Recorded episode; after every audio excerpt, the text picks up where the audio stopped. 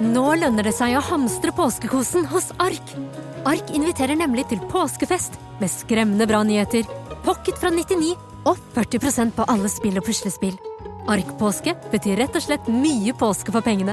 Så fyll opp med påskens favoritter i nærmeste Ark-butikk eller på ark.no.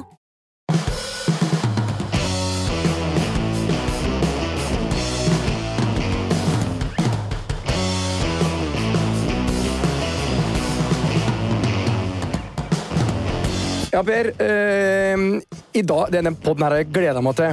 Fordi alle snakker om hva skal vi lede, leve av etter olja, altså etter olje og gass. Og den tiden kan jo komme mye fortere enn vi tror. Og da er vi avhengig av supersmarte mennesker som leverer nye ting. Men det vi har her i dag, Per, det er jo, det er jo kanskje fremtiden til Norge. Det er klasse. Ja, det er klasse. Vi det er protein på. protein fra havene, det er teknologi, alt relatert til det Norge har vært god på helt siden Amundsen Nansen. Vi kjører på.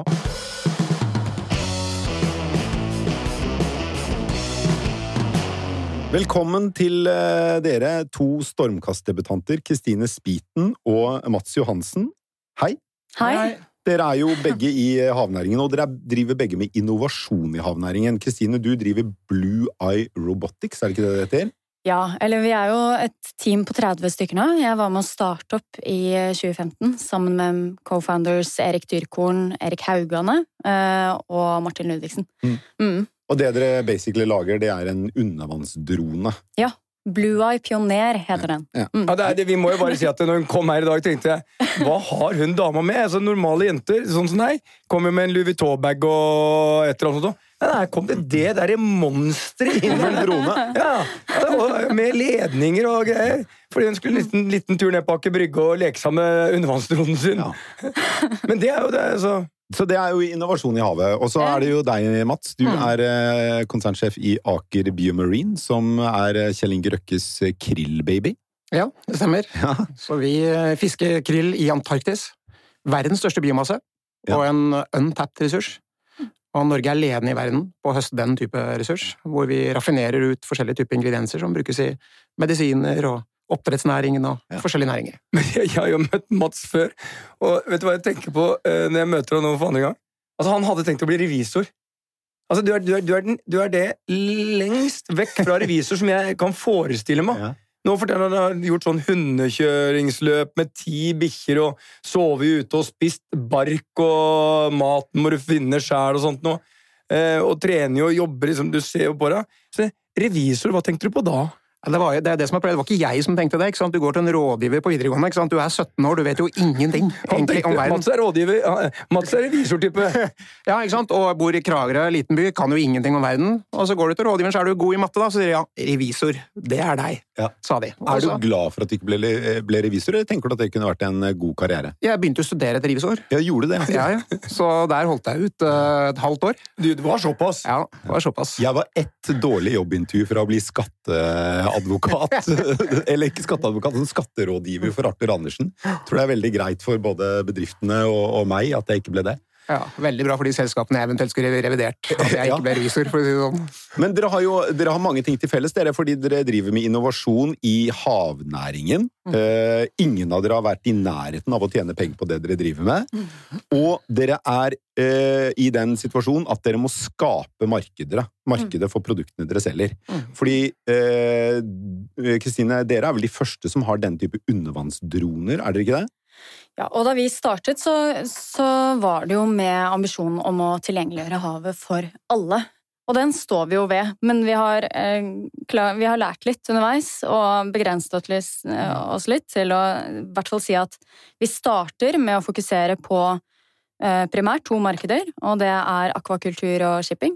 Det er markeder som er her, som er i umiddelbar eh, nærhet, som har et umiddelbart behov. Ehm, Så det å bygge seg opp sten for sten, og kanskje ikke tenke at man skal ta hele verden med en gang Mm. eh, samtidig. Så det å, å Men dette er jo, her kom det jo et uh, gründerråd av dimensjoner. Mm. Det viktigste du gjør, er å velge bort Mm. og Ja. si nei. Mm. Men denne lille maskinen din, når du sier, eh, gjør dere ikke offshore-installasjoner og den type ting?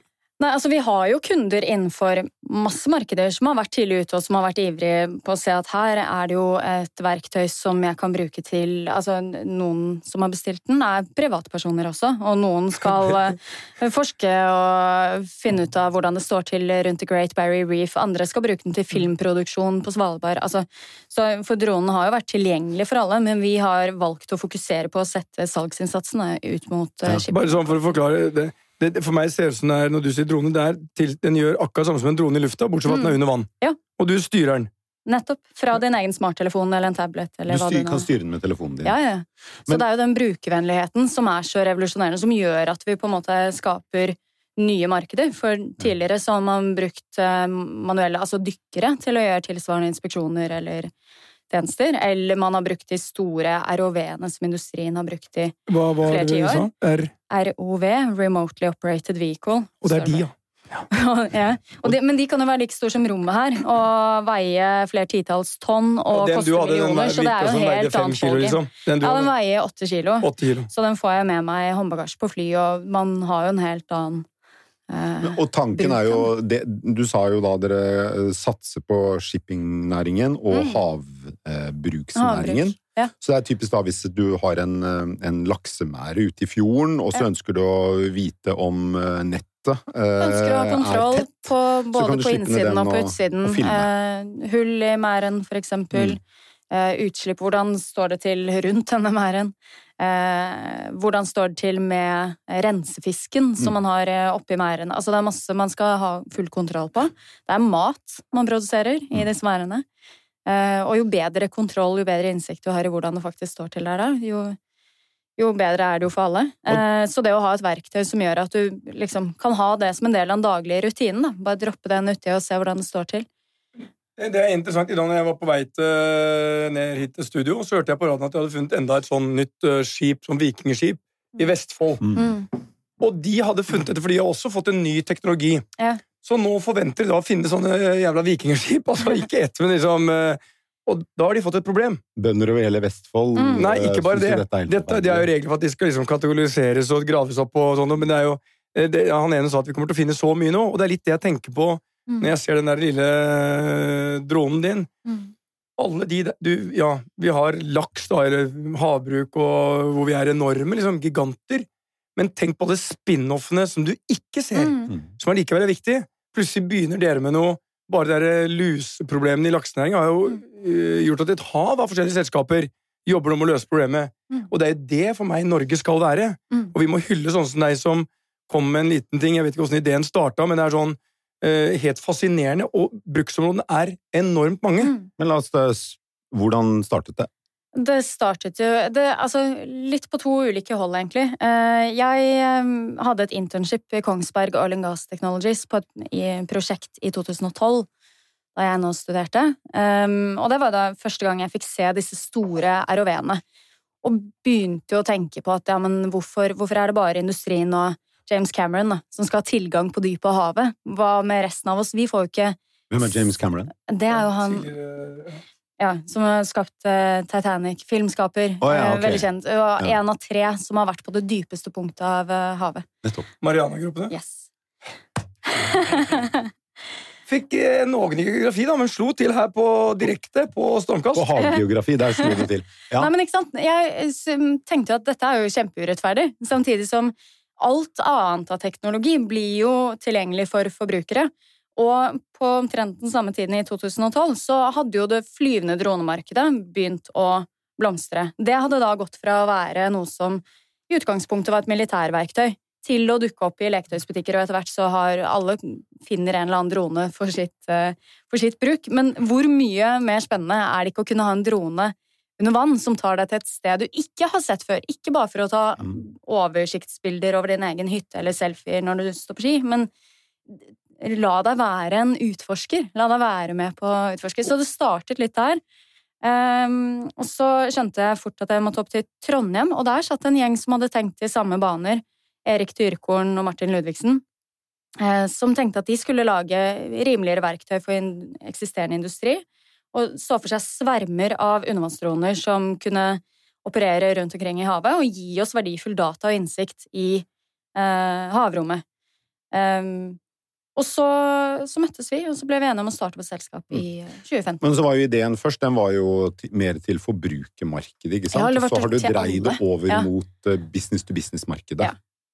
I hvert fall som en eh, start. Og så er det jo også viktig i forhold til pris, Ja. eh, prisdelen av den koster jo 80 000-90 000, denne greien her. Mm. Så øh, Det er altså- få mennesker med brygge utenfor huset som eh, tenker at nei, skulle jeg hatt meg en drone til 80 000? Ja, men samtidig så er det, ser vi fortsatt at vi mottar bestillinger fra privatpersoner. Altså man bruker jo mye penger på enten skal være eh, sportsutstyr og randoneeutstyr eller spesielt kamerautstyr til hobbybruk. Altså, er du interessert nok, så, så er det ikke avskrekkende. Pluss at det er den verdien at altså, um, Si at du har en skoleklasse, da.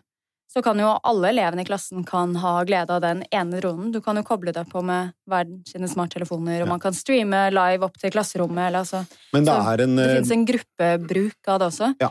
Men det er en grunn til at du gikk til Du tenkte at eh, her er det først og fremst næringslivet som Ja. eh, er liksom potensielle storkunden av den eh, dronen. De har jo utfordringer Ja. med eh, kartlegging og med inspeksjon, eh, og ønsker å gjøre det hyppigere, ønsker å ha bedre kontroll enn de har i dag. Så det var helt no-brainer å starte der. Ja, og det, og det jo, det virker som en no-brainer, det at Mm. eh, det er et marked for en sånn type undervannsdrone, og Mm. så vil det sikkert være mange som tenker i samme baner, sånn at det vil komme nye konkurrenter Mm. til og sånn, men, men det er åpenbart et marked for denne type teknologi. Ja. I tilfelle krill så er det jo eh, mer eh, vanskelig å se for seg sånn way back, da. Hva er det, Mm. 10-12 år siden eh, Aker Biomarine startet? Ja. Og de eneste du visste var glad i krill, det var det hval og pingviner, eh, Mm. basically.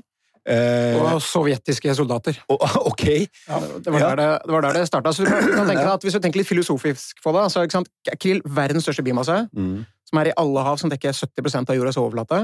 Sitter det nederst i matkjeden. mm, Og så vet vi at veldig mange av de viktige næringsstoffene de akkumulerer seg oppover gjennom matkjeden. mm. Så det betyr at liksom by design of nature så er det næringsstoffer i krill som er viktige for alt liv på jorden. Og vår oppgave er å da bygge teknologi som gjør at vi kan høste den ressursen på en bærekraftig måte, raffinere ut de næringsstoffene som er viktige for liv, studere effektene og kommersialisere. Det var liksom den enkle businessmodellen. Ja. Det hadde militæret i Sovjet skjønt på 70-tallet, for de var de første som begynte å høste krill, med den ideen. Og det de gjorde, de bare fanga krillen, og så putta det i bokser Og så ble det fiskekaker eller noe Nei, det ble eller? bare canned grill. Ja. Og så var det single source og mat til, Til sovjetiske soldater. sovjetiske soldater Ja. som var ute på eh, forskjellige typer tokt. Men Ja. så kom uh, sjefsfiskeren i Norge og fant at du må gjøre det på en annen måte. Ja, og da, da har jeg motsatt råd av det gründerrådet du hadde i stad. Eh, Og, og det er litt, kanskje litt sånn eh, på en måte variasjoner til det, ikke sant? i forhold til å velge bort ting. Mm. Altså, En ting er å liksom stay focused til det du er god på. ikke sant? Fokusert på krill. Det har det jo alltid vært. Men så har nok litt av suksessen for Aker Bimarin vært at vi sier ja til ting. Og, og vi har bygd dette inn i vår kultur, at vi sier ja til ting. Det var sånn jeg endte med å gjøre sånn hundeløp, for at Ja. eh, jeg må si ja når jeg blir utfordra på den type ting. Men, eh, og jeg har jo forska litt på det for å forstå litt ok, hvorfor er, hvorfor er det viktig. Og det er mye forskning som er gjort rundt for hvorfor mennesker sier ja til ting, og hvorfor mennesker sier nei til ting. Eh, Og all den forskningen den peker i samme retning, og det er at vi mennesker vi setter dobbelt så stor verdi på å miste noe som å vinne det samme. Og sannsynligvis så kommer det fra når vi var cavemans. Ja. Hvis du mista maten din for en dag eller to, så kunne du dø. Hvis du fikk tak i ekstra mat, så hadde du ikke noe kjøleskap å putte i, så det var liksom begrensa verdi. Så det er human nature å si nei. Mm. Og, og da har det vært viktig for meg som leder av og systemet vårt i Aker å liksom pushe organisasjonen til å si ja, og ta gå etter muligheter. For du vet ikke, spesielt en sånn type venture som vi er i Aker Bimarin, du vet jo ikke starten Men det har jo kosta Ja. ordentlig mye penger. Dere har vel tapt eh, Er det lov til å si at dere har tapt en milliard, eller er det konfidensielt? Uh, Nei, nei, det det er er lov å si, men det er feil. For det er uh, to. Det er to milliarder. Elsker det, altså! Ja. Fordi det var også, det var også mitt spørsmål, spørsmål. Det var det at ja, det er, jo, det er jo lett å si ja hvis du har et par milliarder å svi av på, på det. Ja, og det er jo, ikke sant Kristine uh, har jo ikke et par milliarder. Nei, Nei, men hun Vi må kjøre litt ulik strategi der, absolutt. Og det er klart det er en luksus som vi har i Aker Bimarin, at vi har en eier som står i ryggen og liksom støtter oss, og det er jo litt ja, Det er da Kjell Inge Røkke, for de som lurer på. Jeg kalte den Fiskeren, det var, det, er fordi det var det han begynte med. Ja. Og, og det er jo han er jo genuint opptatt av krill. Absolutt. Og det er jo det som er det Norge trenger da, for å utvikle den type næringer, er jo kapitalister som, er, som har en visjon, og som er villige å putte penger bak. Både jeg og Kjell Inge er 100 sikkert at Aker Biomarin kommer til å bli svært lønnsomt. Men det er interessant. Dere fisker krill i Antarktisk. Og så kan Mm. vi diskutere liksom, eh, hvor nær land dere går og masse sånne ting. Mm. Det er også russerne. Men de to største i verden på, liksom, i Antarktis nå, det er Hurtigruta på turistsiden og dere på krill og den siden. Mm. Det interessante er, hele hvis vi zoomer litt ut, eh, det, det kommer til å være en enorm eh, konkurranse og ikke minst eh, nesten kan nesten bli krig om rettigheten til de forskjellige havområdene. Mm. Basically så kan vel alle gå til Antarktisk og fiske krill? Mm. Ja, eller eh, du må være en del av Antarctic Treaty. Det er Ja, men det er 24 25 nasjoner. land. Ja. Mm. Så men alle de nasjonene kan gjøre det, og vi ser jo litt det, eksempel kineserne begynner å bli mer og mer aktive i Antarktis, og det er jo kan det, geopolitisk eh, motivert. Så det, så det er en, på en måte, viktig problemstilling. Og dette er jo arven vi har i Norge, da, ikke sant? Dette å drive er en fiskenasjon i en havnasjon i mange år, at vi har mulighet til å sånn, ta med oss den kompetansen og bruke den andre steder i verden også. Men det, det her er nemlig mitt spørsmål. Vi har jo sett en del steder i verden hvor overfiske da, for å gjøre det enkelt, er et stort problem. Mm. Norge har vært ganske flinke til å regulere det. Mm. I Antarktisk så tar jo dere opp maten til Er det sel? Hval, Val, pingviner Pingviner? Og det er mange og åpenbart Mm. sovjetiske soldater. Ja, ja. De er det ikke så mange av Nei, lenger. nei, det, men eh, ser du noen problemstillinger rundt det faktum at det, det er jo ikke noe det, det Fiske på krill er jo ikke regulert, er det det? Jo da, veldig, veldig, et av er verdens, ja, en av verdens mest regulerte fiskerier. Går dere nære land der eh, alle dyrene er? Nei, og vi har jo akkurat eh, måte, Så reguleringen eh, tillater oss å gå nær i land. Men, eh, men industrien har frivillig samarbeid med miljøorganisasjonene og forskere. eh, har sånn, vi har eh, gått med på en sånn frivillig sone hvor vi ikke nærmer oss 30 km for land. Sånn at, og det, det er jo en del av å operere den type region, hvor du må ta et ansvar som industri for å sørge for at dette utvikler seg bærekraftig. Har dere kvoter? Ja, det er et så, såkalt olympisk fiskeri, så det betyr at det er en felles kvote for Winner alle. takes it all. Winner takes it all. Og den er veldig konservativ. Det er en 1% av biomassen i det området som fiskes. Vi fisker jo en relativt liten del av Antarktis, som som er jo et gigantisk område. Større enn Barentshavet. Mm. Sånn at uh, kvoten er veldig liten, men det er bare halvparten av den kvoten som fiskes i dag. Ja. Og så vil man, eh, skal man øke den videre, og det kan være mulig på lang sikt, så må det mer data og mer kunnskap til. Men hvordan måler du en kvote? Altså Disse krillene de er vel så små at de knapt kan ses. Ja. Hvordan uh, kan du si at det er så mange krill i havet? Aker Biomarine får lov til å ta det. Ja. Hvordan, hvordan kan man stole på at de kvotene er presise, eller i noe i nærheten av riktig? Ja, og Da kommer litt den teknologien til Kristine inn i bildet. Fordi at uh, nå, Siste gang det var gjort en sånn ordentlig survey, som det heter, da, hvor du systematisk går gjennom og måler biomassen, var i år 2000. Og nå For et par år siden så ble det bevilga penger i norske statsbudsjettet. Så i år så har øh, forskningsskipet øh, til Norge vært der nede og gjort det, med også bidrag fra industrien, for å mappe opp. Da går de systematisk liksom, gjennom en sånn grid og måler faktisk hvor mye krill det er. Men det, nå står jeg med Fordi det jeg har i hånden her nå, det er krill. Det er krill. Skal du prøve en? Ja, ta gjerne en krill. du kan ta ifølge Du kan ta fire. Fire. Du har vel tatt i dag? Ja, jeg har tatt. Men jeg Tar du, tar du krill hver dag, Mats? Skal du Tar du Ja. sjansen på dette? Gjør det. Oi, du fikk litt mange. Men eh, den, eh, dette er for meg sånn Jeg har brukt krill. Mm. For etter jeg hadde vært hos dere to, så var jeg overbevist om at eh, hvis ikke jeg begynte krill i morgen, eh, så eh, vil kroppen min totalt eh, forfalle. Mm. Men når jeg har tatt det, så tenker jeg på Er ikke dette samme som i gamle dager tok jeg tran? Mm. Jeg vet ikke, eh, tran, det er Ja. ofte Eh, Er ikke dette akkurat samme? Det er ikke akkurat det samme, men det er noe av det samme. Så når du tar tran, så får du omega-3 i et molekyl som heter triglycerid. Fy faen, det er vanskelig å kjenne til datteren Nå angrer du på at det Nå har jeg fire krill i munnen, Ja. og bare Hvorfor Jeg er ikke i nærheten. Ja. Og um, for at den omega-3-en skal komme inn i, inn i cellene dine hvor det skal ha en effekt, så må det være For de som ikke ser noe, må ha de på vei inn i cellene mine. Veldig bra når det er på vei ned i magen, og så blir det tatt opp i blodet ditt. Og det som kommer til å skje, er at nå kommer de der til å bli sendt til leveren din, oh ja. og så er kommer, kommer de til å bli klippet opp, det molekylet, og satt sammen i et nytt molekyl, eh, hvor de omega-3-ene er knytta til noe som heter fosfolipid. For det må det være i, fordi at alle membranene i cellene våre består av fosfolipid. Så omega-3 må være i fosfolipidform. 99% For å sette seg til cellene. Ja, for å Ja. komme inn i cellene. 99% minus da redaktøren vår har nå mista det av de som hører på dette. Men, eh, ok, men dette er jo eh, Så det du sier, da, hvis jeg, hvis jeg skal prøve å uh, skrelle det ned til Porsgrunnsspråk. Porsgrunnsspråk, er ja. Funker det? Det funker. funker, det er Godt dokumentert. For det som er forskjellen da, på dette i forhold til tran, at det er det i fosfolipidmolekyl from the get-go. Det betyr at det trenger ikke gå via leveren, det går direkte inn i blodet, inn i cellene. Og det betyr at mye mer omega-3 ender opp i hjernen din, blant annet, og inn i eh, de cellene der de skal ha en effekt. Kjente jeg var litt slapp, nå kommer det. Kjenner, altså Denne krillen er rett på vei inn i hjernen nå.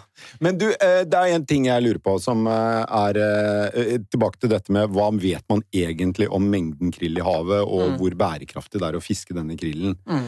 Eh, det, jeg som tenker på tilbake for 150-200 år siden, da de første pelsjegerne satt ut i Nord-Amerika og Mm. så dette havet av, eh, av bison som gikk ut på, på Mm. prærien, og tenkte at ja, men altså, her er det så mange at her er det bare å skyte i vei. Det Mm. er ingen grense for hvor mye vi kan ta.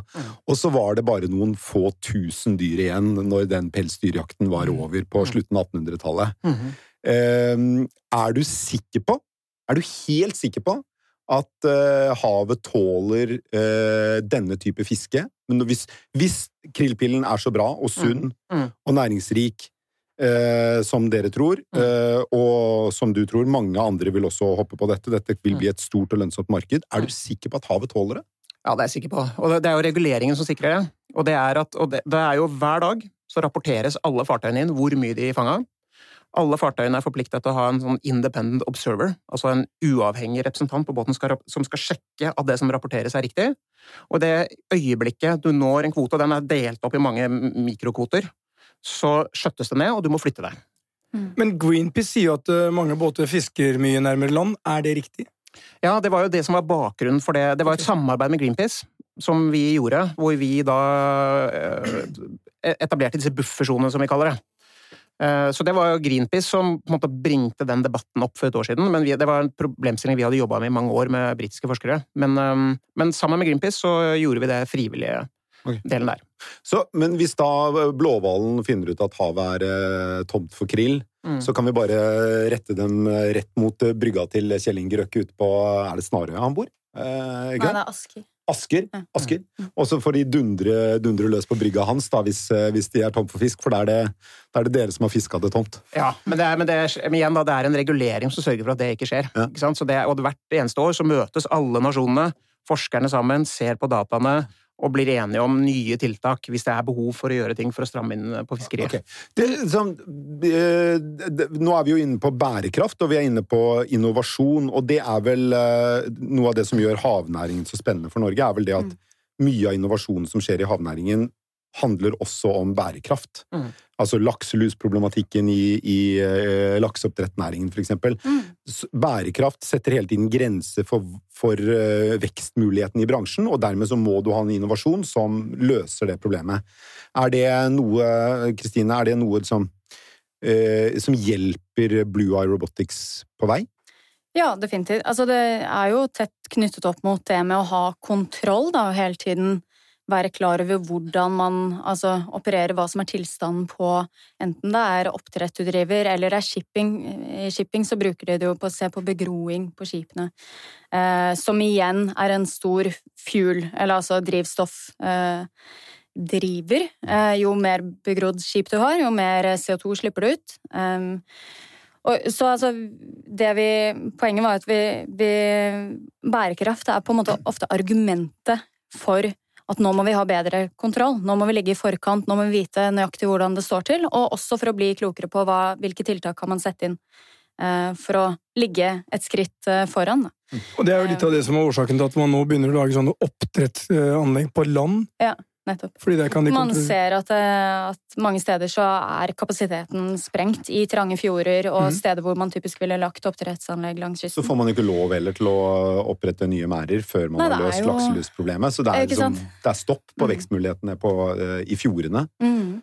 Men det er jo litt skummelt da med landbasert oppdrett for uh, norsk sjømatsindustri. Eh, Nå er det jo heldigvis Mm. norske selskaper som driver ja, den. Ja. Ja, og det må, vi da, det må vi sikre at vi fortsetter å være. Ellers så kan det bli en problemstilling. For det er klart at vi ligger jo sånn eh, til at vi, har ikke noe, vi er ikke nære markedene våre. Men vi har vært heldige. Vi har fjorder med temperaturer og strømmer som Mm. gjør det ideelt for å drive oppdrett. Norske lakseoppdrettere har vel 60% av verdensmarkedet, eller noe sånt?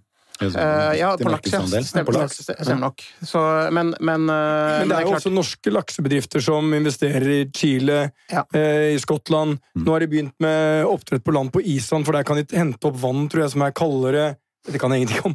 Men altså, det er kaldere vann der, så det er bedre for eller det det er min, det er bedre for å redusere lakselus. Og poenget ditt er det at hvis man først finner ut av hvordan man kan gjøre det på land, Så kan så kan hvem som helst gjøre det. Ja, og da må jo Norge sørge for alene. Og det er jo, det er jo det litt sånn min andre litt kjepphest. da, ikke sant? Man snakker mye business om first mover advantage, men i den type industri vi jobber med, så handler det egentlig mer om first to scale advantage. Altså være de som blir store fort, så man eier den utviklingen fremover. Men Mats, vi er jo enige om at vi må ta opp mer protein av havene. Og hvis vi da kan gjøre dette på land med mye min, som er mye mer bærekraftig, ja. så handler det bare om at vi må være flinke nok til å være mest kostnadseffektive, ligge i forkant. Og hvis ikke vi skal begynne å forske på det, og vi skal være de som gjør det første Det er gangen, noen andre som gjør det da. det tror jeg også. Ja, ja, så jeg synes det, er helt, det er nok helt riktig for Norge å gjøre det. Men Du vet hvem som hadde verdens første digitale kamera? Det var Kodak. Og de valgte en annen strategi enn Mats eh, her eh, snakker om. Og de valgte da styret der sånn sa Nei, vi tror ikke på de digitale greiene. Vi fortsetter med de rullende med film. Det er et Kodak moment Men altså- skulle ønske de kunne ta tilbake. Alternativet, alternativet er jo også offshore-anlegg. da. Å Mm. trekke det lenger ut, altså vekk fra disse fjordene. Vekk fra Ja, dypere vann. Ja, og lenger unna kysten, sånn at de ikke har den belastningen på økosystemene. Mm. Um, og det ligger man jo Altså det forsker man jo på på Sintef og NTNU, og kommer jo opp med nye løsninger som ser veldig lovende ut, syns jeg. da. Er, er, er den dronen din eh, hvordan, Hvor dypt kan den gå? 150 meter. 150 meter, ja. Så den eh, Så, og det var litt interessant altså Vi snakket jo mye om Antarktis nå, med, Mm. med utvinning av krill, eller høsting av krill osv. Um, og Blue Eye er jo også der nede med Hurtigruten. Er jo en av våre store kunder som skal ha dronene om bord okay. i ekspedisjonsskipene sine. Ja, det Så det blir sånn sånn Visste første du det, Petter? vindu Altså, selvfølgelig visste jeg ikke det. Nei, ja, det, skulle jeg si jeg lyver nå? Ja, nei, nei, jeg lyver aldri. Nei. Men jeg, jeg er jo ganske ærlig. Nei, jeg, jeg ante ikke det. Men jeg, jeg, jeg hadde faktisk tenkt å ringe Daniel, sjefen i Hurtigruten, etterpå og sagt ja. det der er jo helt fantastisk når vi er i Antarktis eller på Svalbard. Ja. For du kan jo også Daniel er kjempeivrig på ja, det her. Fordi jeg det- så for meg det, Da får plutselig alle gjestene våre som er på Explorerne, se livet under vann, Ja, som de ellers aldri ser. Ja, er Du drar på sånn ekspedisjon, så ser du liksom en finne, og så tar du bilde av det og syns det Men! Se hele dyret, ja. Nemlig. Og dette har vi jo testet altså, i Tromsø, og nå har de en eh, Blue Eye nede i Antarktis uh, med Hurtigruten òg. Um, For øvrig kommer vi med to nye helt supermoderne båter nå. Og Som, de eh, tenker jo, de er jo den cruise, eh, det cruiseselskapet som ligger lengst fremme i forhold til bærekraft, og tenker, Det altså skal lage hybridskip og også elektrifisere Mm. Eh, lading. Altså, vi snakket jo om her i dag, eh, eller tidligere, at alle disse cruiseskipene ligger lina opp og skal inn i trange fjorder. Um, utslippene legger seg som en sånn lokk Ja. over noen av de vakreste stedene langs kysten vår, fordi alle skal inn og ligger der og bare pumper og slipper ut. Ikke legges det igjen veldig mye eh, midler fra disse gjestene heller, for de går jo knapt i land. Um, så, så det er en ganske sånn dårlig modell, men når man kan se på elektrifisering, hvor disse skipene faktisk vet Du hva, du får ikke lov til å slippe inn i fjorden hvis du ikke er hybrid eller kan ligge til lading når du kommer inn. For det er uaktuelt. Altså det, vi tillater ikke at du ligger og slipper ut. Mm. Det er jo den type, og man ser på det i Oslofjorden også, som skal bli utslippsfri, altså nullutslippshavn innen Husker jeg ikke om det er 2030 eller 40. Eh, jeg tror det er 2030. Ja. Det er jo ikke så mange båter igjen som legger til i Oslo, så det er Jo, det er faktisk overraskende. Altså, det er Ja, overraskende Okay. mange. Cruisebåter. det var en Ja, av cruisebåter, ja. Ja. Ja, ja. Ja. Så altså, at det skal bli et krav for alle som kommer inn i fjorden. Og i fjordene. Men jeg syns jo det der er uh, fornuftig og riktig. Mm. For noe av det vi selger, det er jo nettopp opplevelsen. Uh, å komme inn der med klart kommer du med et fuglefjell med 5000 eh, personer om bord Mm. som legger seg der sånn. Eh, så eh, det, det er ikke den opplevelsen Mats, du vil ha når du er ute i villmarken og du ser ned på Masse smog som ligger i land. 14 hvite skip, og så du ser ikke gjennom smogen. Ja. Nei, ikke sant. Men, men så er det jo også det Har, å du, kunne har noen av dere vært i Antarktis? Nei. Jeg har vært i Antarktis. Har vært i Antarktis. Jeg har gått i pingvinenes fotspor. Men det, dere Og da, eh, da er det én ting som eh, gjør at du får tiltro til selskap som Hurtigruta. Mm. Det å gå over den berømte Drake Passage innebærer én ting. Mm. Eh, hvis du, det er litt sånn som Hustadvika. Hvis du får for stor eh, bølger, så slår de inn. Og vann kan slå inn i ruter og noe. Det som skjedde, eh, som vi så på TV Mm. for man, Jeg undra så over Det satt mennesker på den Viking Star, var det det? Viking Mm. Star. mhm. Så plutselig kom vann inn. Mm. Og da fortalte han meg, for kabiner ligger så lavt for å få flest mulig inn. Så når store bølger slår inn, så slår de inn basically rutene. Mm. og vannet kommer inn. Skremmende. Mm. For det, had, det der var jo nær ved å gå galt. Mm. Og eh, tenk de konsekvensene. Altså, når jeg så på de menneskene som var der, så var det ikke akkurat, eh, var ikke akkurat deg og meg, Per. Var ikke det. Men dere, eh, vi, vi nærmer oss slutten her, men det er én ting jeg lurer på til deg, Kristine. Det er Det er jo så altså, det, Når man snakker om gründerskap i Norge, så er det fort, fort man snakker om at man skal utvikle en eller annen app, og så kan man sitte på sakk og sekken med Mac-en på fanget og utvikle den appen og nå massemarkedet Mm. i verden. Uh, nail, then scale, og så videre. Men, uh, mens du har jo satset på noe som er mer uh, jeg holdt Ja, si, jordnært, holdt jeg på å si, og det er jo ikke havnært, men, eh, men noe som er knyttet til eh, det vi driver med fra før. Er Mm. det lettere, tror du, å starte å bli gründer i en havnæring enn i f.eks. IT-næringen i Norge? Fordi du kan piggybacke på Ja, eller, og det beste er jo, er jo kombinasjonen, da. Um, men definitivt ta utgangspunkt i de eh, veldig tydelige konkurransefortrinnene vi har. Uh, vi er langt fremme på mm, det aller, aller meste innen hav. Uh, vi er langt fremme på fornybar energi. Mm.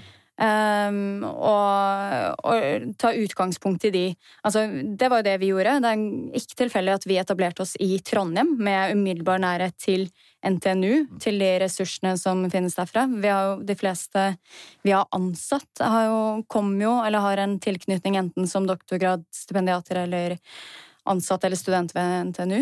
Um, så det å være Å bruke det vi har av fortrinn som, eh, som en start, da. Og så tenker jeg også um, Vi Altså, Norge eh, jobber jo for å være langt frem innen IT, og vi er ikke så verst. Eh, men da må det også satses på utdanningsmiljøene rundt, eh, rundt IT, og der kan vi der kan vi manne oss litt opp og Okay. Men det er ganske Bra. kult at vi har en jente her. Du var på den Forbes-lista. mm. Eh, 30 mest eh, innflytelsesrike på sånn supersmarte teknologigreier under 30 år. Ja. Eh, det er jo helt, helt fantastisk. Det var veldig gøy. Ja, Ja. Jeg, jeg tror du er den første jenta fra Norge som har vært på den lista. Eh, Ja, eh, men jeg var eh, sammen med Karen Dolva, Ja. men som nå ikke bor i Norge lenger, så han startet No Isolation. Men du bor jo fortsatt på seilbåten. Jeg har seilbåten min her ute på Bygdøy, eh, og så kjøpte jeg en leilighet eh, nå i vinter. Du gjorde det. Ble det for kaldt? eh, I byen. Nei, det var ikke for kaldt, egentlig. For Men det er det at du får ikke brukt båten som båt i løpet av vinteren. For da legger man en eh, Presenning over. og du rigger den til for eh, vinter. Dagene er korte og mørke, og det er sånn ja, du, du får ikke den samme gleden av det, men jeg tenker å flytte ut der igjen nå i mai, når sesongen starter. Altså. Så da flytter du fra leiligheten og inn i båten? Ja. Det beste av to, uh, av to verdener. Mm. Vi, vi må videre til bær, vi, Petter. Det må vi.